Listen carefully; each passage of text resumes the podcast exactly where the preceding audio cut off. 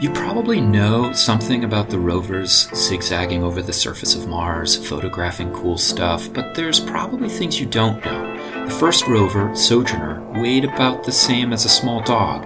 The Curiosity rover, loaded with scientific equipment, is heavier than a Volkswagen Beetle.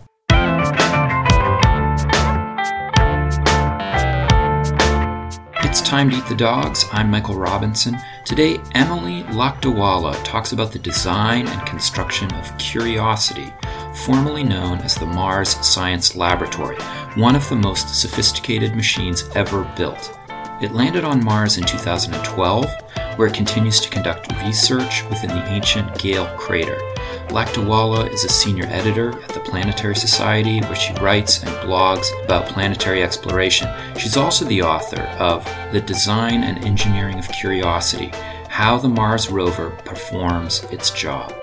Emily Lakdawalla, thanks so much for talking to me today. It's my pleasure. So, I think most people know about the Mars rover's Spirit and Opportunity that went up in 2004. But Curiosity is really different from these rovers. I was wondering if you could just talk a little bit about the goals of Curiosity, the Mars Science Laboratory, I guess is its formal name. Sure. Um, the Mars Science Laboratory Curiosity rover is kind of the pinnacle of NASA's second phase of Mars exploration. The first phase was uh, the, with the Mariners and the Vikings, culminating in Vikings orbital mapping, and then there was a long gap it began again in the late 90s, and there was this mantra that they stuck to for a long time called follow the water. Mm-hmm. There was evidence from orbit that there had been water acting on Mars, but it wasn't real clear if there had been water for a long time on the Martian surface. And people were interested in that because um, having long uh, term presence of water would tend to make it easier for life to have begun there. And so, um, with a bunch of missions, they mapped globally and then they sent Spirit and Opportunity down to look for evidence in rocks of persistent liquid water. And both Spirit and Opportunity found those, found that evidence, but they found, uh, both of them found water in environments that aren't really that great for life. They found highly acid water they found a volcanic fumarole and and other uh, places like that. Now these are all places on Earth that you can find you can find microbes living, but they're extremophiles. They're especially adapted to survive in these kinds of extreme environments. And so the next question then was was there persistent water on Mars for a long time that was uh, maybe a, a more benign environment? the kind of place that, that most life on Earth lives. And so Curiosity was sent to a different kind of landing site, one with more ancient rocks than had ever been visited by a lander before, in the hopes of finding evidence for more habitable environments. And that's what it was sent to do, and that's what it did. So uh, it seems to me that the search for life, or in this case, you know, the search for water, which might lead to uh, indications for life, was really one of the major drivers, not only of the initial rovers, but of, of curiosity as well. And I just wanted to get your opinion about this search for life. It seems to drive so much of the discussion of, of Mars research. That's definitely true. And it's true that the search for life is kind of a motivating uh, force behind a lot of what space exploration does. It's not just the search for life, either present or past. It kind of getting deeper than that. It, it gets at the question of how we originated, how life on Earth originated, and whether life in the universe is common or not. And these are the kinds of they're pretty profound questions that um, people find it fairly interesting to, or fairly easy to interest the public in. Mm-hmm. And I agree that it can sort of warp the science goals um, that people may have, because um, there's a lot of us like me who are just curious about other worlds and want to go explore them. At the same time, I think it's useful um, and necessary to have a motivating question kind of underpinning your research to kind of bring together lots of different threads to, to try to provide a, a unifying goal that helps to that helps to make people work together basically to share their data they're all working toward a common end right mm-hmm. i've seen though that this this kind of making your research fit the question uh, does happen in a couple of other ways in space for instance there's there's been this recent rise of the ocean worlds at NASA that is kind of designed to help get missions to Enceladus and Europa. And now all these scientists are saying that every world is an ocean world if you look at it right. Yeah. so it, I definitely don't like that aspect of it, but I do think that it's uh, it's beneficial to have to be able to go back to a fairly profound question that is fairly easy to articulate yeah, yeah. to help explain to the public why it's worth it to spend the kind of money and effort that we do sending missions into space. One of the things that was kind of amazing about your book was just the, I mean, I knew a, a bit about the structures of Curiosity and the instruments that it carried, but to see you describe them in detail was pretty amazing. I was wondering if you could just lay out briefly a kind of a list of the various things that Curiosity can do, um, what it looks like, how it's supposed to move. Sure. So um, the, curio- the basic body plan of Curiosity is actually very similar to the Spirit and Opportunity rovers. You have a central warm electronics box. This is an aluminum box that's insulated from the outside environment that has heaters inside it to keep all the rover's electronics inside an acceptable operating range to keep it safe. Connected to the box, you've got the mobility system, which is a set of legs and wheels. And it's a special kind of mobility system called a rocker bogie suspension system. What that means is that you've got these sort of front arms connected to two wheels, and the back ends of those arms are connected to two bogies, like train bogies, which each have a pair of wheels. So in total, there's six wheels. And it's a really interesting uh, physical device. The, the rocker and bogie on each side are connected to the body only at one place, at a central pivot. And so the rover would actually flop forward or backward on that pivot, except that they're connected to each other through a central linkage, a differential.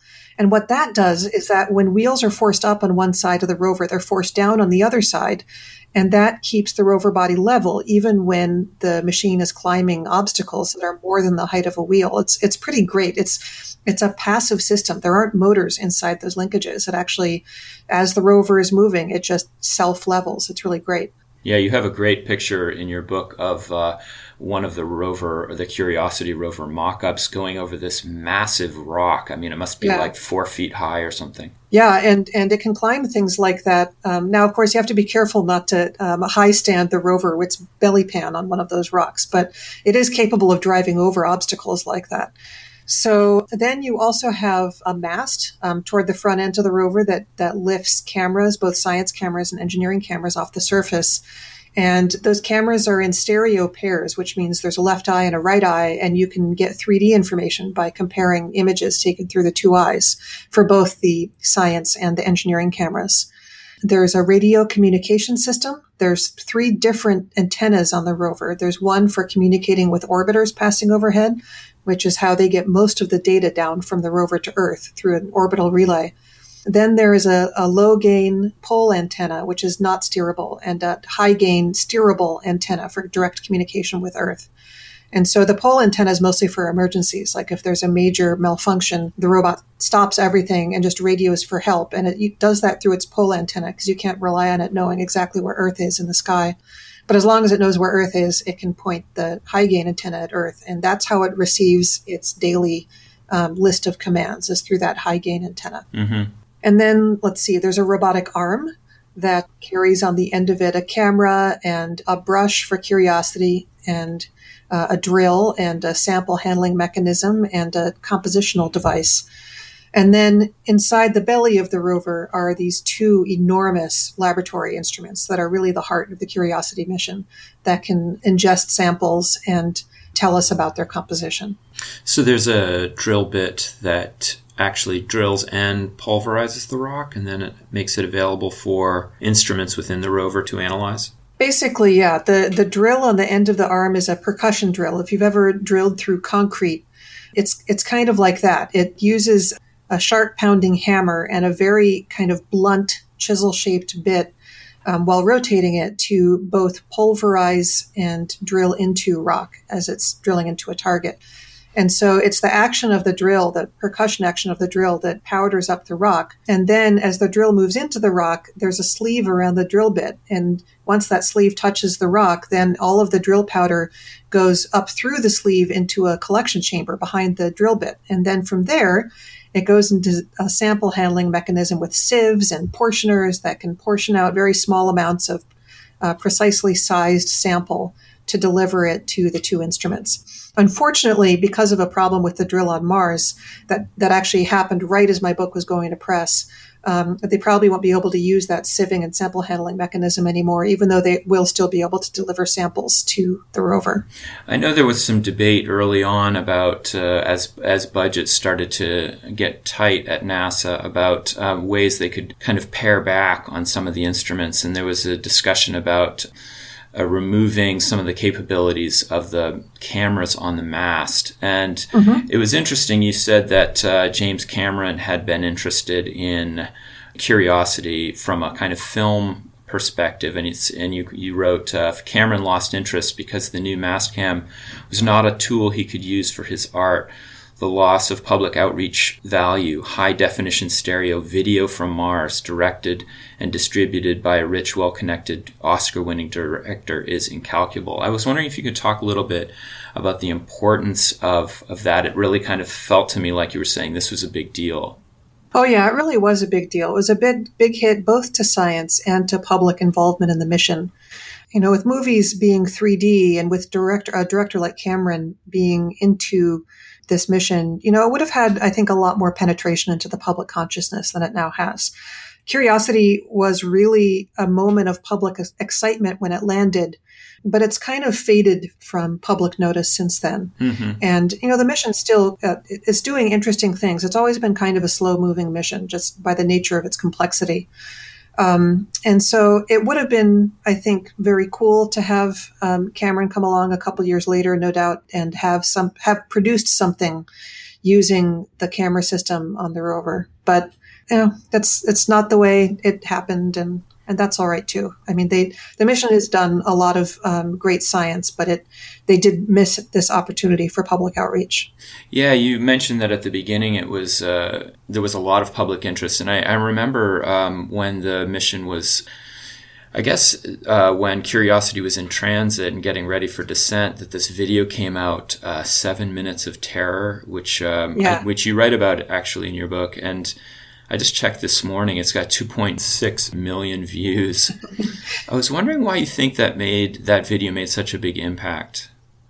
Well, um, I think because it was produced by people who clearly knew what they were doing when it came to producing a video that would, would excite and inspire the public. It's got uh, high production values. It's got um, dramatic music and dramatic lighting on the protagonist. Yeah.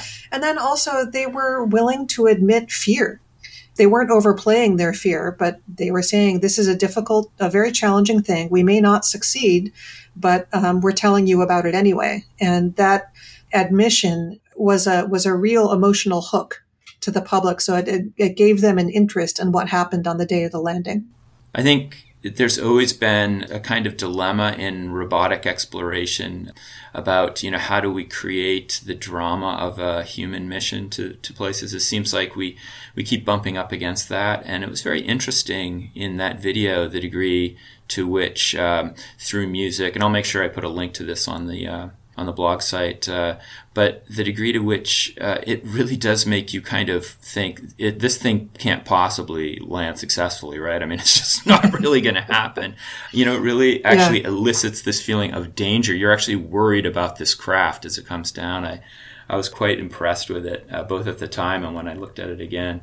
You know, the other thing I uh, I noticed about your discussion, it's a it's a very internal discussion in the sense that you're really focusing a lot on the craft, but then you are also coming back out to talk about the importance of the public. You do it with. Um, the issue of the mast, but also with things like, you know, when funding becomes an issue, I guess Steve Squyres, who's the PI for the science payload for the earlier um, rovers, he, he comes out and says we might need to shut down one of the rovers in order to make money for this, and the public kind of freaks out. Could you talk about that?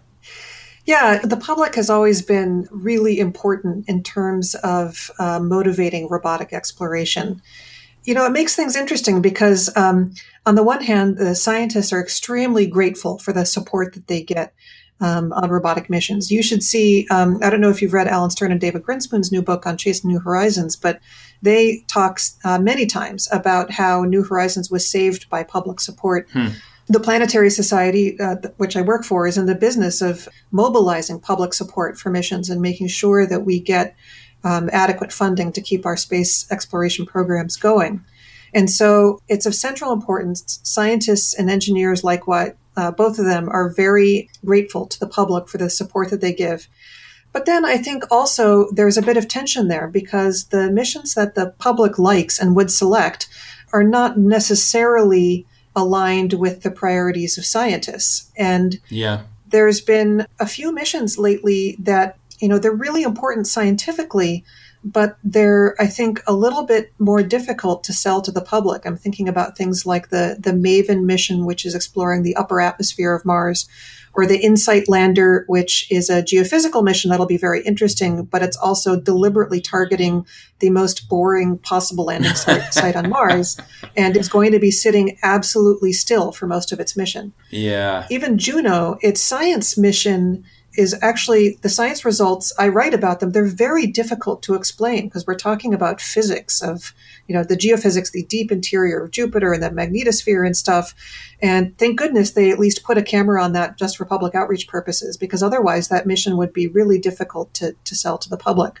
And so um, I do think that there's an obligation to make sure that the missions that we're doing address public curiosity as well as scientific curiosity. And so I think that not all not all scientists would agree with that. they would like the missions to be picked based entirely on yeah. scientific merit. But the public are, I think, owed scientific missions that they can understand and be excited about. Uh, I want to return just for a second to um, uh, something that you said at the beginning of your book about the Curiosity mission. And you say, I came to understand that this machine was the most complicated thing ever sent beyond our planet and that no one on Earth understands all of its parts and functions. I was wondering if you could just uh, talk about that. Yes, it. I kept on coming across um, engineers who worked on the mission who could tell me every last detail about the part that they worked on, but they don't necessarily know how other parts of the rover work. And scientists know how their instrument works, but not as much other instruments. I kept on teaching geology to engineers and teaching engineering to scientists.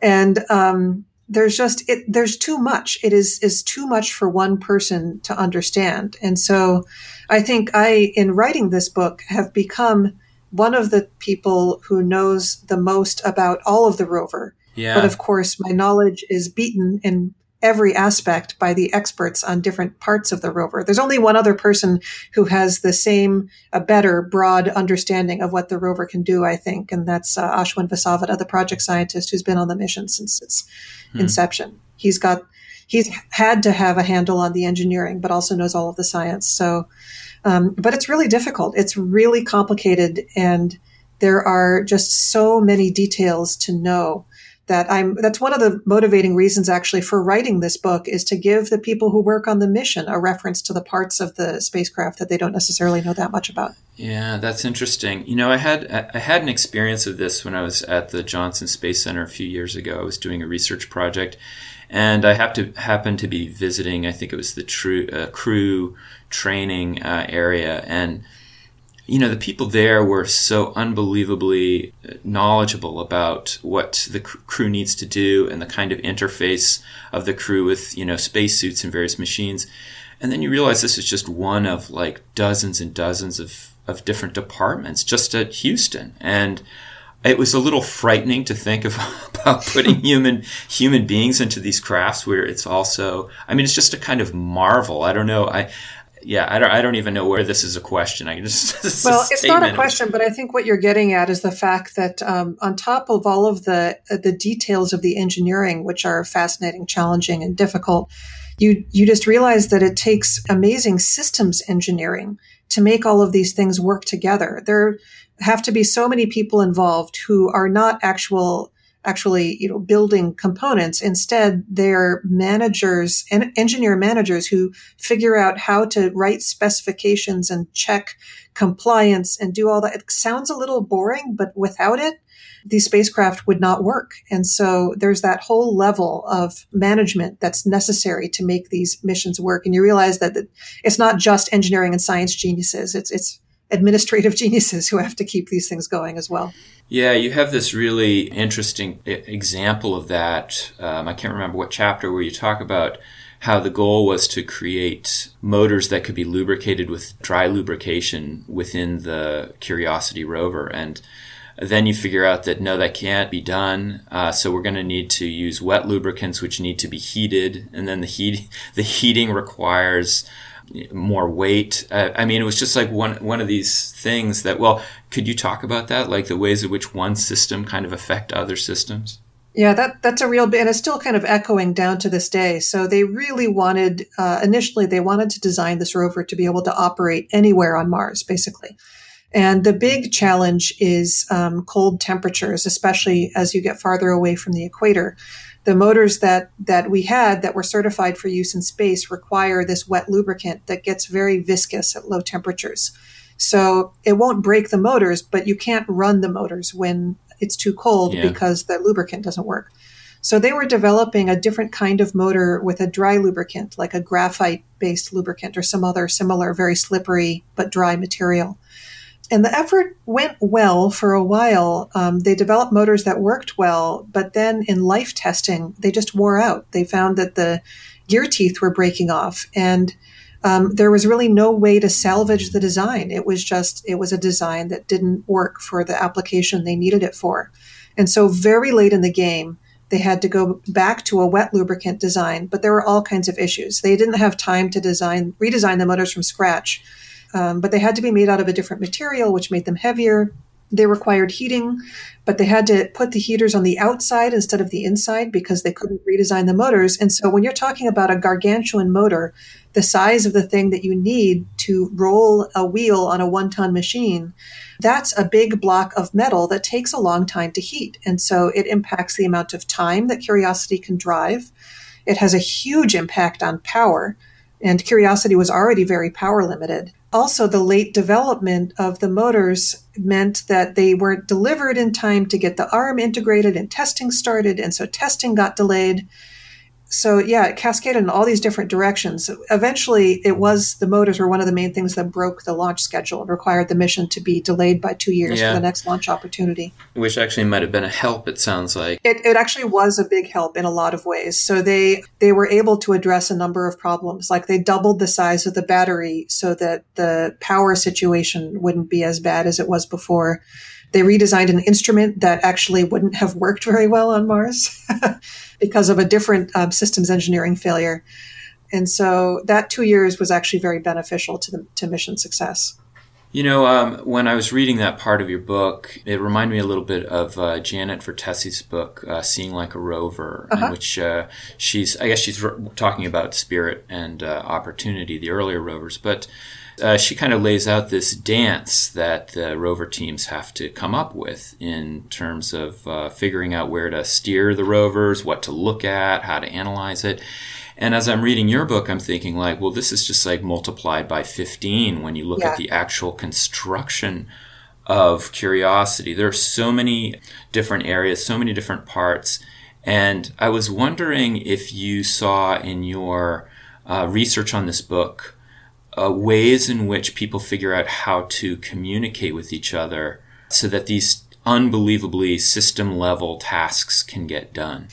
That's a good question. I think that the way it worked was that all of that kind of chain of command and all those conversations were organized years before landing. I mean, that's kind of that's some of the first hmm. stuff you do.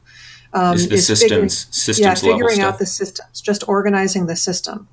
And so, you know, that's that's a way in which it's good to have as experienced an organization as the Jet Propulsion Laboratory building your spacecraft because those systems obviously can be carried over from one mission to another you know they've developed this method of organizing the development and, and assembly integration and testing of a spacecraft and and those systems are not different from one mission to another mm-hmm. you know there's a part of the book that describes the the surface operations and the the number of different organizational groups they need to, to keep that running which was developed from the spirit and opportunity uh, mission operations, but is has this added level of complexity because the rover is so big and using it is so complicated. So that there's actually three or four parallel planning processes happening at the same time in order to make sure that the mission team is ready every day with a set of commands to give to the rover. So I was wondering. I know that you are a senior editor at the uh, Planetary Society, and you also are you do radio. You do the Planetary Radio Show. Um, you served as a deputy project manager manager for one of the Mars projects. And I was just looking at your blogs on your blog site. I mean, just in the past month, you've got blog posts about the moons of Saturn, InSight, the new Mars mission, the mission, uh, the Philae mission to uh, to a comet. You've got the Juno mission. I mean, you're you're actually actively writing about seven or eight different planetary projects uh, at the same time. And I was wondering, how do you do a deep dive like this on one project, one massive hmm. project? while simultaneously kind of doing all these other things? It's hard. And um, one of the ways that I was able to do it was by uh, asking for and uh, obtaining permission to have a sabbatical last year. So I spent three months just working on the book. I have managed to structure my work schedule so that most of the time I can spend um, three days a week doing Planetary Society uh, blog and everything else, and then two days a week working on my book. Although I have to admit, lately I've had a hard time doing that, and I'm supposed to be writing the the follow up book to this volume on curiosity science. So it's hard. It's a juggling act. You just have to be uh, aggressive about scheduling your time and being willing to drop balls in order to spend the necessary time doing that deep dive on a book. I do try to set aside full days in order to, you know, to spend a little time in the morning doing email and then spend a full day working on the book because that's really the only way to make progress is to get deeply into it for a full day. Yeah. I was talking on the podcast a few weeks ago to a uh, paleoanthropologist, uh, John Hawks at the University of Wisconsin. And he's very much in the weeds of his anthropological research, but he also believes a lot in science communication. He's a huge advocate of it. And I was thinking that you are also kind of you have a foot in both worlds. You're a scientist, but you're also a public intellectual. You do a lot of science outreach. And I, I think that uh, that's a pretty unique and rare position for people to actually do both of those. What do you see as you know the benefits or maybe the hazards of that job? Well, I'm doing this because it's it's what I want to do. You know, when I was in graduate school, I had this very strong sensation that the work that I was doing and putting so much effort into was, you know, it would might result in a paper that if I was lucky, maybe seven people would read. And it just didn't yeah. feel like it was worth it. And I had come from, um, before grad school, I was a middle school science teacher. And I had the same feeling where it was an incredible amount of work to prepare for those, for classes yeah. every day. And I taught maybe 75 kids total. It was a school with fairly small classes. And again, it just, it didn't feel justified. So it almost feels a little bit egotistical to say this, but I wanted my work to be, to influence more people. And so I saw myself in some kind of science communication role. The one that I was imagining when I was in grad school was working in a museum. Uh, my father is an art historian. I'd grown up in, in art museums and other kinds of museums. And I, and I saw that being like a curator or working on exhibit research and development at a, at a science museum as being something that I could do. And what I do for the Planetary Society is, is actually very similar to that. I curate news stories, I curate space images, and I write about them and I interpret them and present them to the world and help more people uh, see what's going on. So um, as far as like uh, advantages or pitfalls, the advantage is that I get to reach a, a ton of people. A pitfall is that, um, as you noticed, I cover a lot of things and I can't get that deeply into things. And so yeah. um, I do make mistakes. And I have generally very kind readers who um, send me polite emails when they notice that I've made errors. Sometimes my errors, though, are are bigger and people get upset. And that's that's always harder to deal with. It's it's hard to balance thoroughness and complete fact checking with the necessity of having such a broad output. I do, I, what I try to do is I try to keep my subject area um, as broad as it is, it's still contained. So I write about robotic space exploration. I write about our solar system. I don't write about human space exploration. I don't write about private stuff. I don't write about solar science. I don't write about exoplanets or black holes, you know, things like that. I just focus on the solar mm-hmm. system. And by keeping by keeping it contained, I can at least build up my expertise in that area. Yeah, everything within the solar system sounds very small to me. anyway, Emily Lakdawalla, thank you so much for talking with me today. You're very welcome. It's been a great conversation. That's it for today. Make sure you check out the Time to Eat the Dogs website and Twitter page for links and updates. The Twitter page also has a link to Zabrat, the great Canadian band that makes the music for the show. Also, please rate and review the show wherever you get your podcasts. It does help make the show visible to new listeners. If you want to recommend a guest or make a comment or just get in touch, feel free to contact me at time to eat the dogs, that's one word lowercase, at gmail.com. See you next week.